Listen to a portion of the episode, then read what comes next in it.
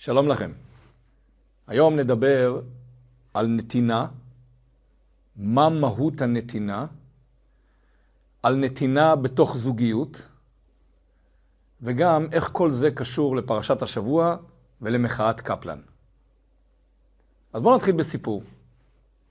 הסיפור מספר על הצדיק רבי מאיר מפרמישלן. כשהוא היה ילד, הוא למד בחיידר. בתחילת הלימוד הייתה בתוך חומש.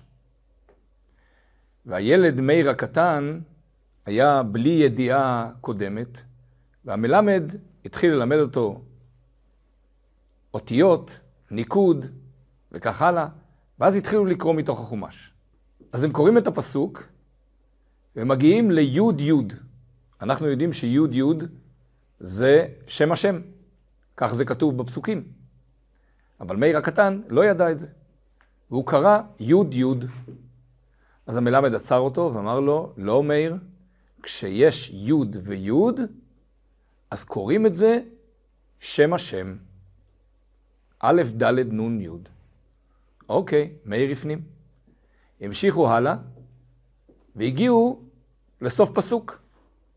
ושוב, שתי נקודות שנראו למאיר כמו שתי יהודים. ומאיר הקטן קרא את זה כמו שם השם. כלומר, את הסוף פסוק הוא קרא כמו שם השם. לא עצר אותו המלמד, אמר לו, מאיר, זה סוף פסוק. שאל מאיר את המלמד, אז למה שתי נקודות מקודם הם היו שם השם וזה סוף פסוק? אמר לו המלמד, וכאן האמרה, כשיש שני יהודים, אחד ליד השני, כלומר שני יהודים אחד ליד השני, זה שם השם. אבל כשיש שני יהודים, אחד מעל השני, זה סוף פסוק. אז בואו נתחיל מתוך הפרשה. תחילת הפרשה. דבר בני ישראל ויקחו לי תרומה, מאת כל איש אשר ידבנו ליבו, תיקחו את תרומתי. למה אלוקים צריך את התרומות שלנו? הלא הפסוק אומר, לי הכסף ולי הזהב, נום השם צבקות. לקדוש ברוך הוא יש את כל הכסף וכל הזהב שבעולם. אם הוא רוצה, אז בשנייה אחת הוא מרים משכן. הוא לא באמת צריך אותנו. למה בכל זאת הוא רצה שכל אחד מאיתנו ייתן מה שהוא יכול לתת? מי שיכול זהב, מי שיכול כסף, מי שיכול נחושת. כל אחד מרים תרומה למשכן. מה הצורך בזה? מה זה מסמל לנו? ומפה אנחנו נכנסים בכלל לכל המושג מצוות. מה יש לאלוקים עם מצווה כמו ברית מילה? עם מצווה כמו שחיטה? עם מצווה כמו צדקה? והלאה והלאה. מה הוא מחפש במצווה הזאת? למה המצווה הזאת קושרת אותנו ביחד? מצווה מלשון צוותא וחיבור. והתשובה היא, אלוקים רוצה לראות שאתה מוכן להקריב בשביל הקשר ביניכם. לא שהוא מרוויח כאן איזשהו משהו צדדי. המצווה מבטאת את התחושה הפנימית שלך שאתה רוצה להצטוות איתו באותו צוות, צוותא. וכדי להצטוות איתו באותו צוות, אתה מוכן לתת משהו שיקר לך. לא רק משהו שבא לך באופן טבעי, משהו שהוא ממש לא קשה, משהו שזורם, אלא משהו שבאמת משמעותי לך. ובכל מצווה, או בכל המצוות, תמיד אפשר למצוא או מצווה שהיא מאוד משמעותית ומאוד קשה לביצוע, או חלק במצווה שהוא החלק הקשה, שהוא החלק היותר מסובך עבורי לבצע. ובכל זאת, אני עושה אותו, כי אני יודע שלמען הקשר עם הקדוש ברוך הוא, אני רוצה לתת יותר. אני מוכן להשקיע את כל כולי. אז נכון שהקדוש ברוך הוא יכול לבנות משכן לבד, אבל הוא לא רצה. הוא רצה לראות שאתה תיתן, תכניס את היד לכיס ותוציא כסף, זהב, נחושת, ולמרות שזה קשה להוציא כסף, באופן כללי קשה לאנשים להוציא כסף, אתה תרצה לתת את זה. למה? כי כך אלוקים רצה. עכשיו בואו נדבר על צדקה. אז זה נכון שבאופן כללי צדקה זה דבר קשה, גם לאדם העשיר הגדול ביותר, שהרי לא מבקשים ממנו צדקה של שקל, מבקשים ממנו סכומים גדולים, ותמיד קשה להכניס יד לכיס ולהוציא צדקה. אבל היום אני רוצה לדבר על צדקה מאוד מאוד ספציפית, שלא מתבטאת בכסף, ולא מתבטאת בלהכניס את היד לכיס ולהוציא משהו, אלא מתבטאת בתשומת לב, באיפוק, בסבלנות, ובעיקר בתחושה אמיתית של קרבה לזולת. ואני אסביר. יש, ברוך השם, תנועה מאוד גדולה בארץ ובעולם של חזרה בתשובה. בסיפורי החזרה בתשובה, הרבה פעמים אפשר למצוא זוגות שהחזרה בתשובה איכשהו נכנסה ביניהם. למשל, הבעל חזר בתשובה, האישה ממש לא ולא בכיוון.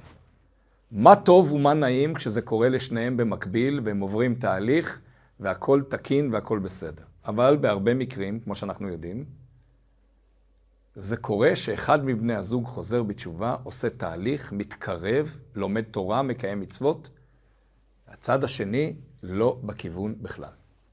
עכשיו, לצורך העניין, אנחנו ניתן כאן דוגמאות שהבעל חזר בתשובה והאישה לא. אף אחד שלא ייקח את זה באופן אישי, זה יכול להיות גם מקרה הפוך, אבל הסטטיסטיקה מראה שיש אחוז יותר גדול בתוך זוגות שהבעל חוזר בתשובה והאישה עדיין לא. אז לכן ניצמד לסטטיסטיקה הזאת וננסה אה, לעבוד איתה. הדילמה שהזוג הזה נכנס היא דילמה מאוד קשה. למסתכל מן הצד אולי זה נראה איזוטרי, אבל למעשה הם נכנסים לקונפליקט שאפשר להגדיר אותו הקונפליקט של החיים, שאחד מהשתיים, או שהוא יבנה להם את הזוגיות, או שהוא יהרוס להם את הזוגיות. ולמעשה, הוא לא בונה ולא הורס, הוא רק מחדד צדדים יותר פנימיים בתוך הזוגיות. לא נכון להגיד שדת וחזרה בתשובה פירקה משפחה, היא פשוט הביאה לקצה את הקשר ביניהם. אם יש קשר בסיסי, חזק ונכון, שאנחנו תכף נדבר עליו, החזרה בתשובה רק מעצימה את הקשר. אם הקשר הוא רעוע בלאו הכי, החזרה בתשובה של אחד מהצדדים מחדדת את החוסר יציבות בתוך הקשר ומביאה אותו לפעמים עד הקצה, ולצערנו גם לפירוק. אבל בשום מקרה זה לא החזרה בתשובה שמה? זה קשר לא יציב ולא מספיק חזק בין הזוג. אז בואו נתאר את התהליך למי שלא חווה את זה בעצמו, רק כדי שצופים ומאזינים אחרים יוכלו להתחבר לדילמה. בעצם מה קורה? הבעל חוזר בתשובה, מתחיל להתקרב, מתחיל להבין דברים, לאט לאט רוצה גם לשמור את מה שהוא מאמין בו. אז הנה הוא שם כיפה, הנה הוא שם ציצית, הנה הוא מתחיל לשמור על כשרות, הנה הוא מתחיל לשמור שבת, ללכת לתפילות, הדבר הזה גובה, במרכאות, זמן, תשומת לב, ובעיקר האישה רואה מול העיניים איך הבעל שהיא הכירה לפני 10, 20, 30 שנה, משתנה מול העיניים שלה. השיח שלו הופך להיות אחר, החשיבה שלו אחרת, ההנהגה שלו אחרת. הוא כבר לא מסכים ללכת לאותם מקומות שהם היו הולכים כמקומות בילוי, הוא לא מסכים לנסוע בשבת, הוא רוצה שיאכלו כשר, הוא רוצה שיהיה סעודות שבת. היא וגם הוא בעבר לא היו רגילים לצורת חיים כזאת. היא, יכול להיות שלא ראתה את זה לא אצל אה, אבא שלה ולא אצל אימא שלה וגם לא אצל אה, סבא וסבתא שלה. והיא מעולם לא חוותה את צורת החיים הזאת. ויכול להיות שברקע יש גם כל מיני שטיפות מוח תקשורתיות נגד צורת החיים הזאת. והעסק מתחיל להיות טעון. זאת אומרת, יש כאן שני גלגלים שנעים אחד במקביל לשני ולא נפגשים. הוא רוצה להתקדם לכיוון אחד, והיא, היא בסך הכל הייתה רוצה לשמר את הקיים, את מה שהיה. אבל הוא, הוא סטה מהדרך והתחיל להיות קיצוני. עכשיו, לצורך העניין, בואו נעצור רגע מדת ושמירת תורה ומצוות וחזרה בתשובה. בואו נלך למקום אחר. ופה אני דווקא יהפוך את היוצרות. האישה מחליטה שהיא טבעונית. פה גם כן הסטטיסטיקה אומרת שנשים נוטות יותר לשמירה על טבעוניות, על צמחוניות, על בריאות וכולי. יום אחד, בעקבות הרצאה מעוררת שהיא שמעה, היא מחליטה שזהו זה. הבית הופך להיות טבעוני. עכשיו, ככל שמדובר בנוגע לילדים, יכול להיות שהיא תצליח להחדיר בילדים, תלוי כמה הם קטנים, כמה הם בעלי דעה, או כמה הם נסמכים על שולחנה, מה שנקרא, ומה שאימא אומרת, אז זה קדוש, קדוש, קדוש. אז אם הילדים קטנים, היא תצליח. אם לא, אז זה ייתקל בהתנגדות. אבל אצל הבעל, שהבעל הוא אדם בוגר, פה היא נכנסת לכאורה לקונפליקט. הבעל היה רגיל לאכול בבית בשר, דגים, ביצים וכולי וכולי וכולי. ואת הלכת ושינית את אורח החיים שלך. לא מתאים לך יותר שיש בבית את הדברים האלה, את מתנגדת אליהם באידיאולוגיה חמורה. מה זאת אומרת שחטו פרה? מה זאת אומרת שחטו תרנגולת? מה זאת אומרת שהרגתם דגים או שלקחתם ביצים? לא משנה. אנחנו לא מתווכחים כאן עם טבעונות, זה נכון או לא נכון. מה התפיסה הבסיסית שכל אדם בר דעת יגיד לבעל, או שהבעל יגיד גם לעצמו? נכון, אני לא מאמין בתיאוריה הזאת. נכון, לא הורגלתי לתיאוריה הזאת. נכון, זה קשה לי. אבל אשתי, זה עולה לה בחיים. זה עולה לה בבריאות. היא לא מסוגלת עכשיו לראות בשר על הצלחת. היא לא מסוגלת להריח שבבית עושים שניצלים. אז מה, שאני אעשה את זה דווקא? שאני אתעקש לאכול שניצל? אצלה זה אידיאולוגיה. אצלי זה בסך הכל תאווה. אז אני אתאפק, מקסימום. אם אני לא יכול להתאפק, אני אוכל בחוץ. אבל בכוח ונגד ההחלטה שלה רק כדי להראות כמה אני צודק, אני אנפנף מנגל בחצר, לא יעלה על הדעת. אז אם תשאלו אנשים על המקרה הזה, שהאישה הפכה להיות טבעונית, מה יעשה הבעל? התשובה תהיה מאוד מאוד פשוטה. ברור שהוא צריך לוותר. ברור שהוא צריך להתאפק. Big deal. אז לא אכלת בשר. אבל אצלה, אצלה זה בנשמה. עכשיו אנחנו הופכים את זה לדת, ופה משום מה אצל אנשים זה מתחיל להסתבך, ולא להיות כזה פשוט. הבעל הזה חזר בתשובה. הוא אדם בוגר. את לא הולכת עכשיו להתווכח איתו אם זה נכון או לא נכון, כי זה לא ייגמר. הוא בשלו, וזה יציב, וזה ממשיך. ואת בשלך. הוא לא כופה עליך אורח חיים, הוא לא אומר לך מה לעשות. אבל שימי לב, יש דברים שהם א', ב', בלעדם, הבית לא יכול לתפקד, גם הבעל לא יכול לתפקד. אם תחליטי רק כדי לעצבן, או רק כדי להישאר עקשנית בשיטה שלך, ותחליטי להכניס כף חלבית שהרגע הייתה בתוך דייסה, לתוך סיר בשרי, את הופכת את הסיר לטרף. אי אפשר לאכול ממנו. ואם תחליטי להמשיך לצפות בטלוויזיה בשבת, או להמשיך להתעקש לנסוע לטיול בשבת, את בעצם מדירה את הבעל מהבית. את בעצם גורמת לו חוסר נוחות בבית. בשבילו כרגע לשמוע טלוויזיה פתוחה בשבת זה בדיוק הפוך מעונג שבת. אבל רגע, היא אומרת, אבל בשבילי עונג שבת זה לראות טלוויזיה בשבת, זה לנסוע לים בשבת. אז למה אנחנו נגיד שהבעל, אנחנו צריכים לדאוג לעונג שבת שלו, ולא לאישה, לעונג שבת שלה? התשובה היא, ופה זה דבר מאוד מאוד חשוב להבין. אצלך זה אומר להתאפק. אז לא ניסע לטיול בשבת, ניסע ביום חמישי. אם תרצו, אתם תבנו את הלו"ז שלכם בצורה כזאת, שיום חמישי, זמן מסוים ממנו יוקצה לטיולים. אז לא חמישי, אז רביעי, לא רביעי, אז שלישי. אם רוצים, יש זמן להכל. ואם תרצי, תוכלי לראות את אותה תוכנית טלוויזיה שאת כל כך רוצה לראות בשבת, תוכלי לראות אותה גם ביום ראשון. היום בעידן האינטרנט אפשר לראות הכל בהכל, בהכל, ב, בכל זמן ובכל מקום. אלא מה? שנכנס פה משחקי אגו. למה שהוא יכופף אותי, אולי אני אכופף אותו? הרי הוא שינה את צורת החיים שלו, אבל שימי לב, אם את היית משנה את צורת החיים שלך לצורך העניין, לטבעונות, היית מצפה שהוא יגלה התחשבות. גם הוא מצפה. עכשיו, יש שלושה דברים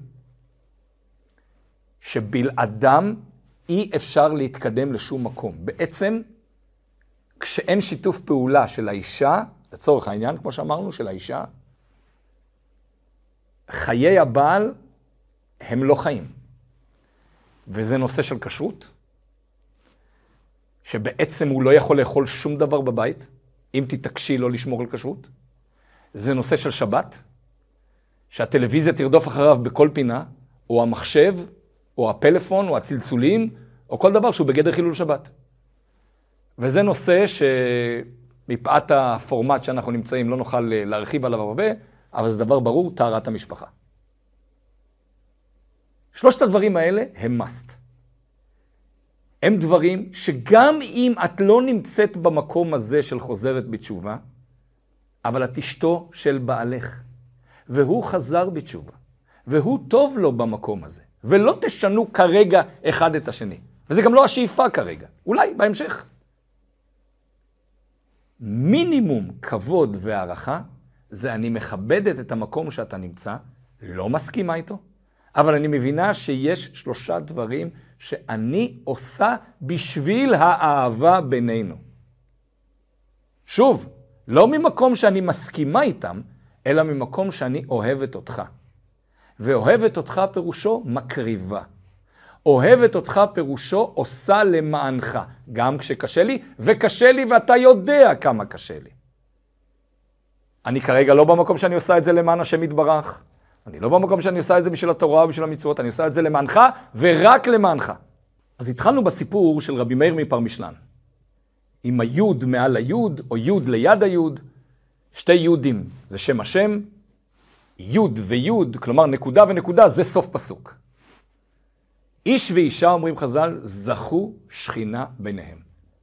המשפט הזה אומר שהשכינה נמצאת באמצע ונותנת מקום לשניהם. הם שתי ישויות נפרדות, והישויות האלה יכולות לתפקד בנפרד, וצריכות לתפקד בנפרד, ולכל אחד יש הוויה משלו, ולכל אחד יש עולם מושגי משלו, ולפעמים כמו במקרה שציירנו, עולם הפוך, עולם שהתהפך, אחרי עשר, עשרים ושלושים שנות נישואין. אבל זה המצב כרגע, שאנחנו סוברים הפוך אחד מהשני. אנחנו בצורת חשיבה לגמרי הפוכות.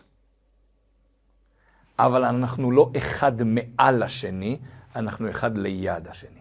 כי אם נהיה אחד מעל השני, כלומר מישהו פה יכפה את דעתו, מישהו פה יחליט עבור הזולת, זה יהיה סוף פסוק. ואנחנו מבינים מה המשמעות של סוף פסוק במקרה הזה.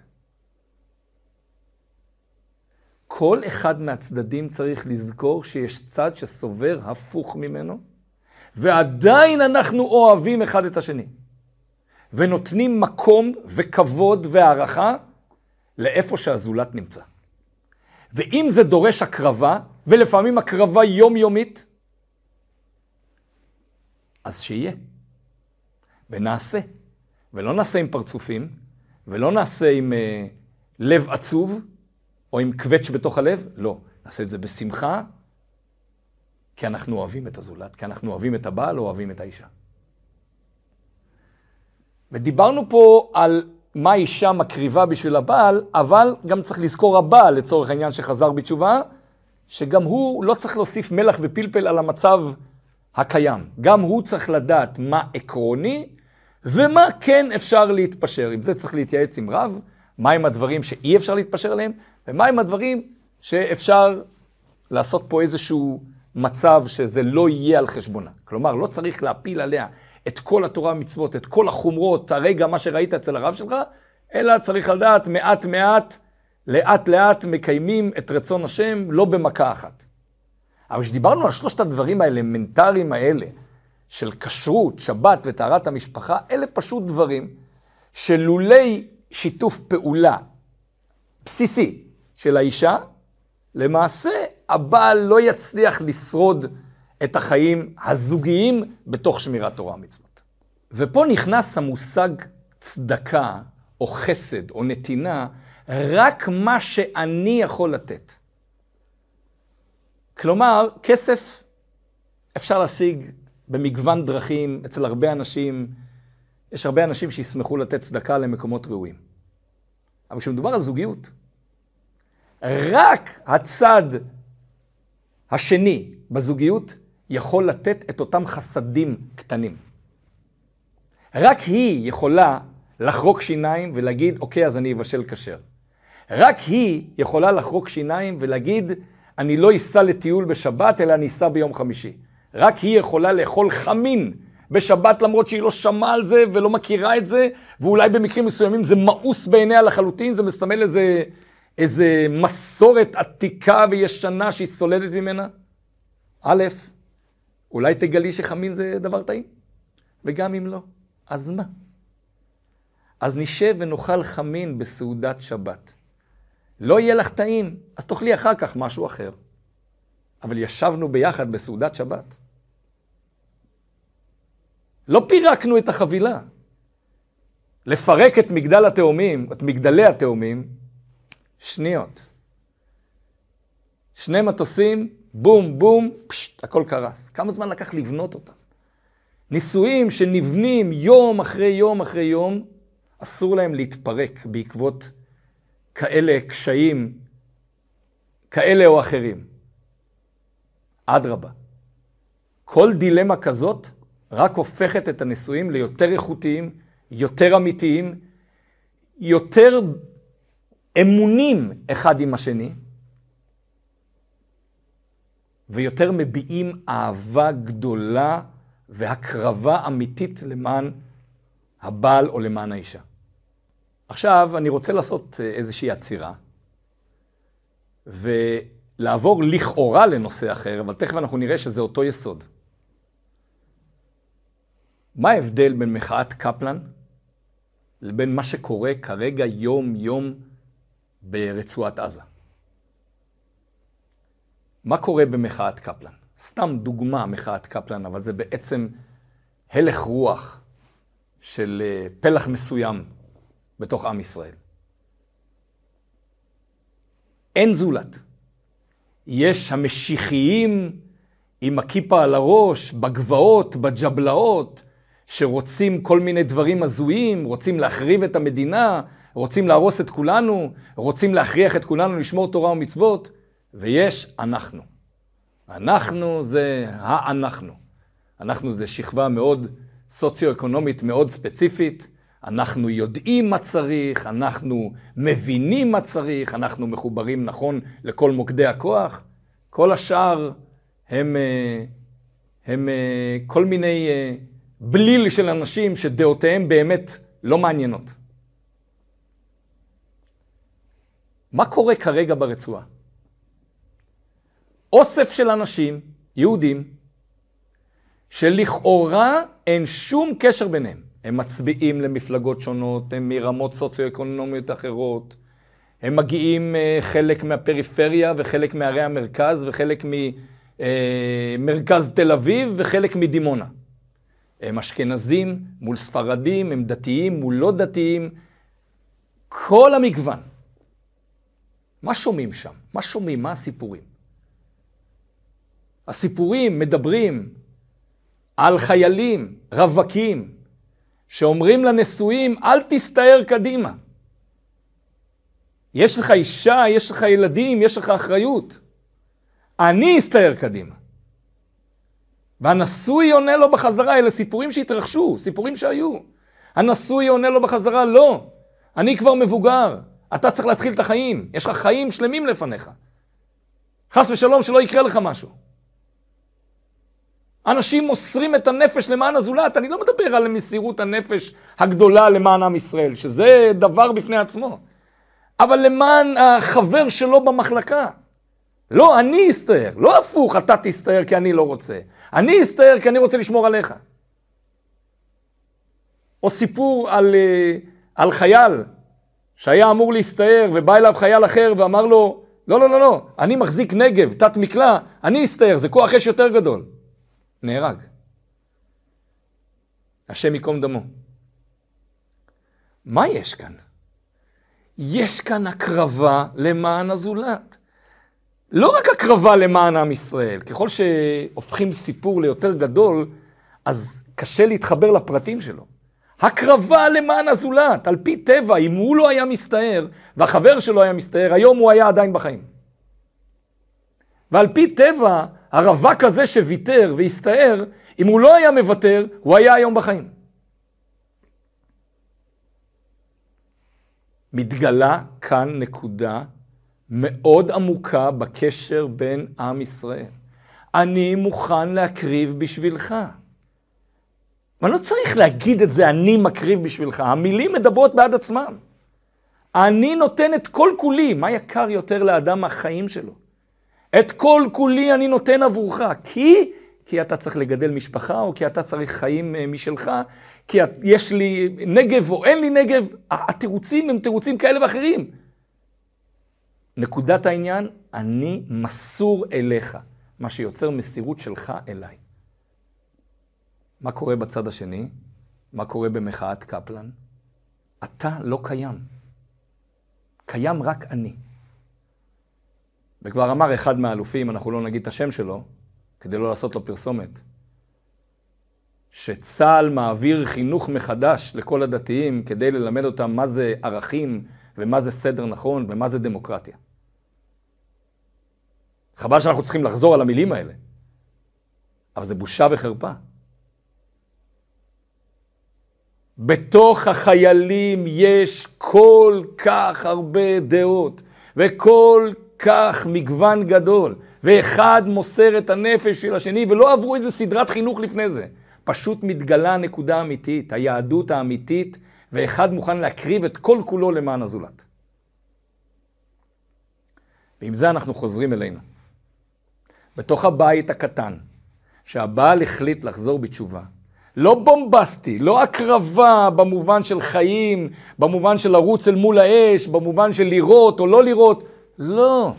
לבשל לפי כללי ההלכה הבסיסיים.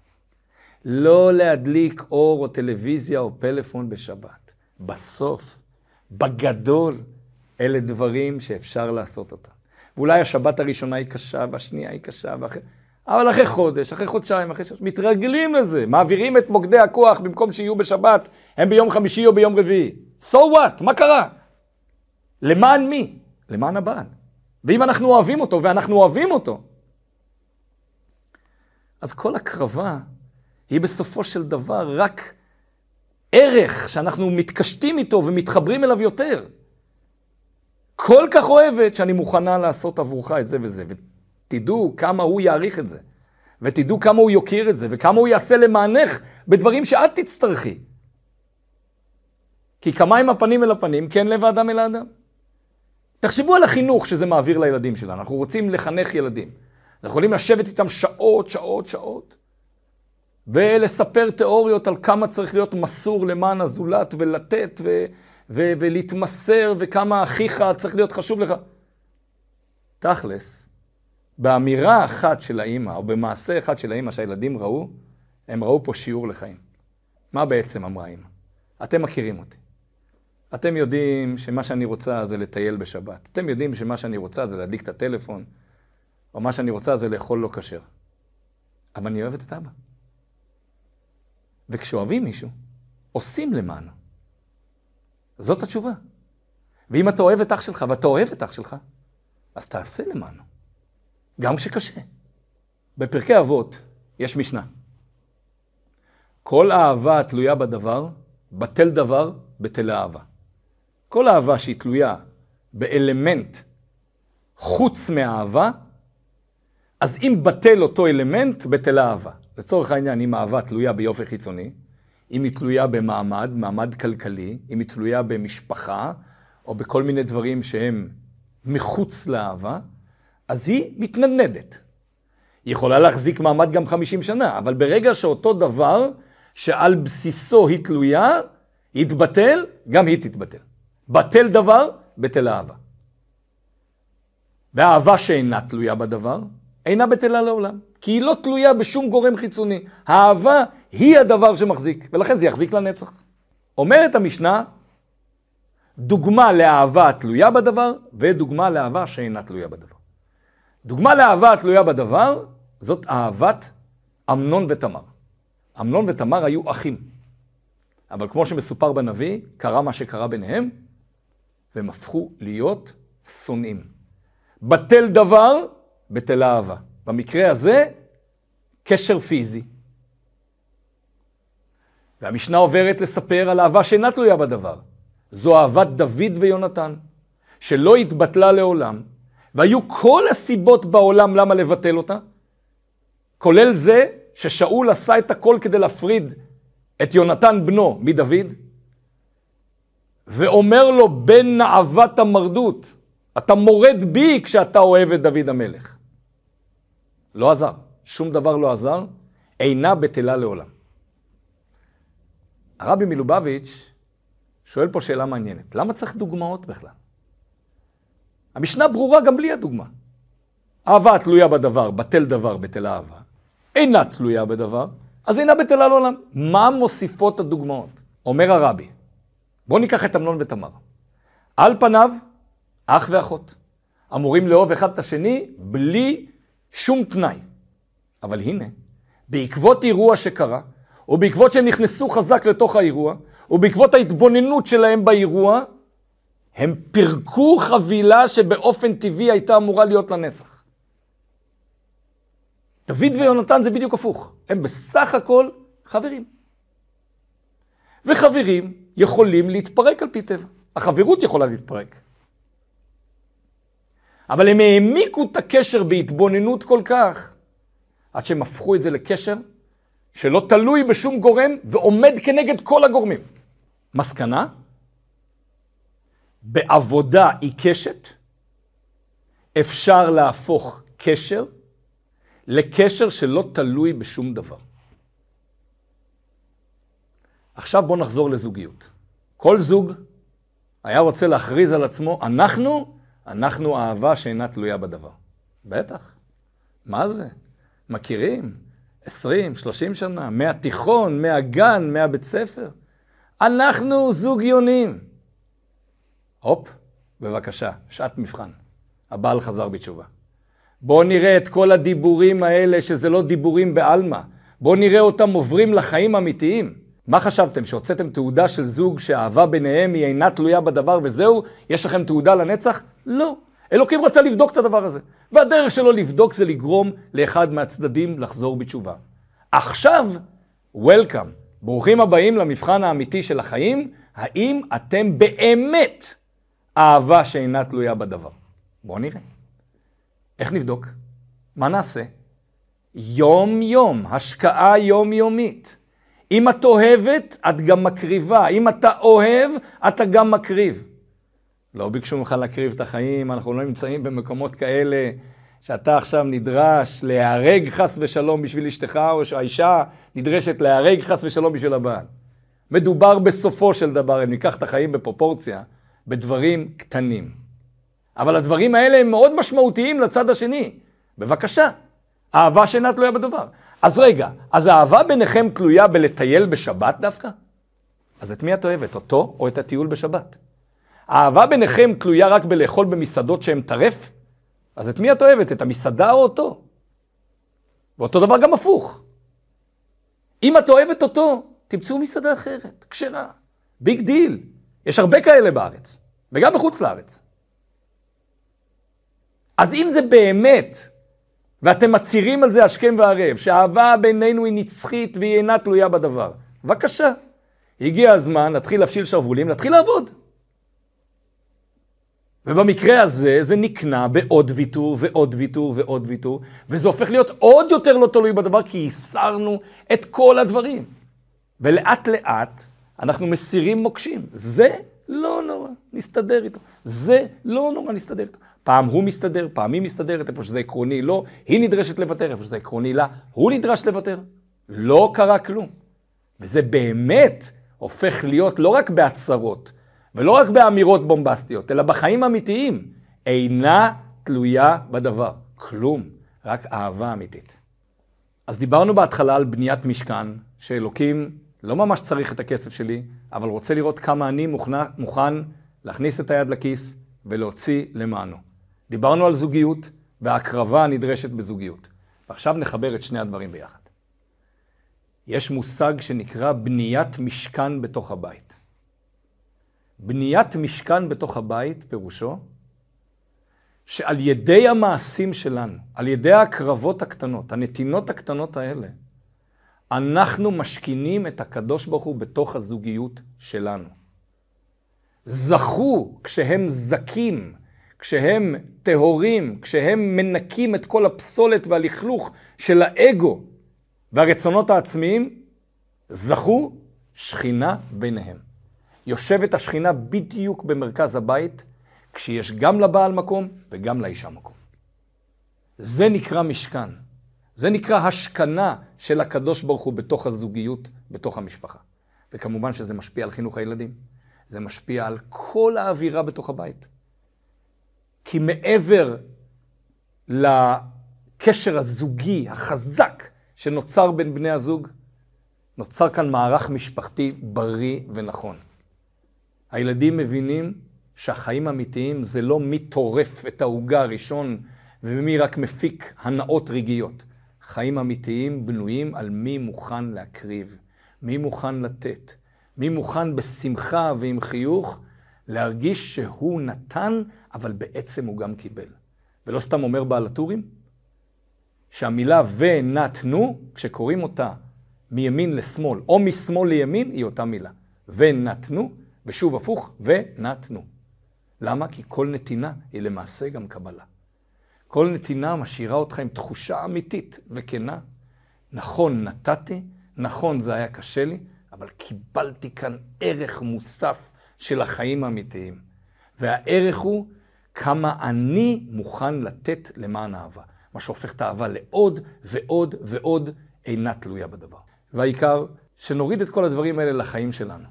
בין אם מדובר על אירועים אה, קיצוניים של צד אחד שחוזר בתשובה, ובין אם מדובר בחיים הסטנדרטיים של כל משפחה, שתמיד נדרש ויתור משני הצדדים כדי להמשיך ולהתקיים. לעשות את זה, לעשות את זה בשמחה, ולהרגיש שאדרבה, כל ויתור כזה רק הופך אותנו ליותר ויותר מחוברים. שם יזכנו, נזכה לגאולה השלמה במהרה בימינו, אמן.